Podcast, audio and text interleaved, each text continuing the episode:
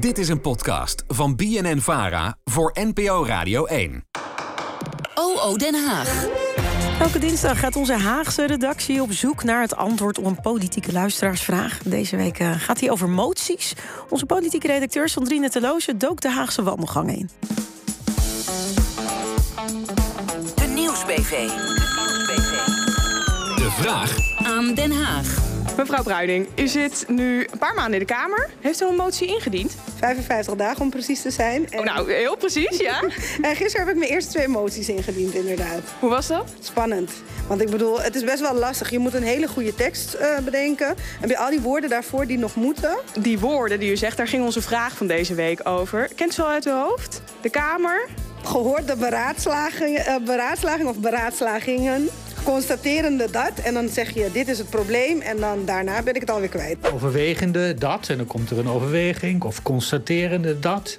Eh, en dan eindigt het wat wij noemen een dictum. Dat is een verzoek aan meestal de regering. Ja, dat ze iets wil eh, agenderen of wil onderzoeken of eh, ergens een oordeel over velt. M- meneer Van der Lee, u bent ondervoorzitter. Dient u zelf ook nog wel eens een motie in? Ja, zeker. Ja, ja, want ik ben ook voor eh, de huidige fractie van GroenLinks en PvdA ook woordvoerder op het bedrijf van Financiën. Ja, en dan dien ik ook moties in. Oh ja, dus dan roep je ze op om iets te doen of je vraagt iets van ze. Daar komt het op neer. Dus je probleem, wat wil je eraan doen?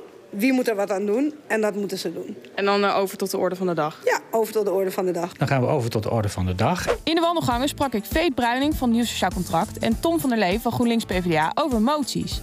Bij het indienen ervan moeten Kamerleden zich dus aan een paar van die vaste zinnetjes houden. En we kregen meerdere vragen binnen over die laatste woorden. Waarom gaan ze eigenlijk over tot de orde van de dag? Ik ben niet helemaal eh, op de hoogte van de historische eh, herkomst hiervan. Maar kijk, het wordt alles wat er hier gezegd wordt in de Kamer... wordt opgenomen in de handelingen.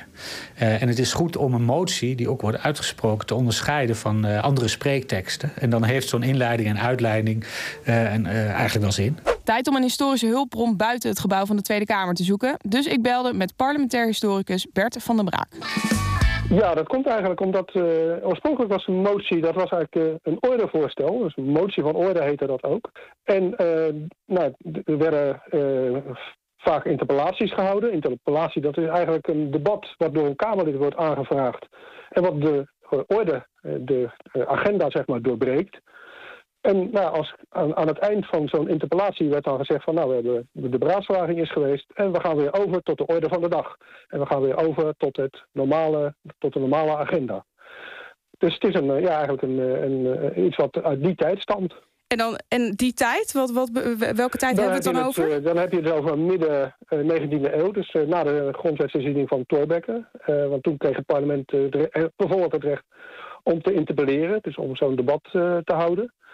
Ehm, maar ja, al heel snel eh, werd dat veel breder gebruikt. Niet alleen maar voor eh, orde, maar ook echt om een debat te concluderen. En eh, ja, vast te leggen van wat de Kamer ergens van vond.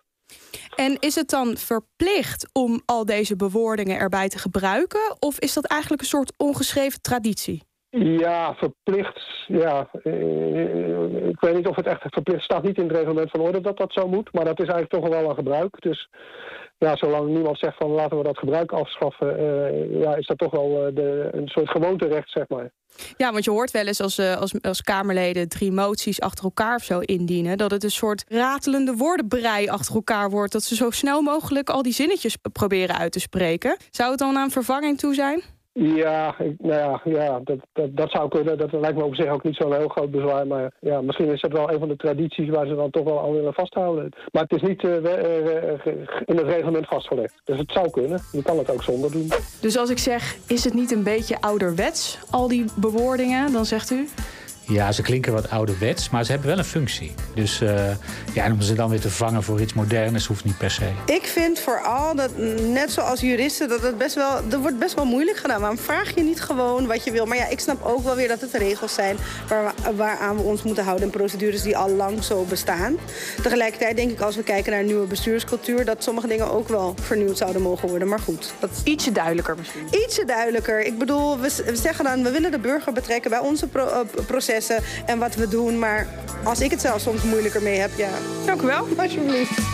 Nou, je mag in simpele taal gewoon je eigen vraag aan uh, Den Haag bij ons neerleggen hoor. Mail die dan even naar uh, de nieuwsbv politiek apenstaartje bnnvara.nl. En wie weet hoor jij je eigen vraag terug op de radio. NPO Radio 1. Natasha Gibbs.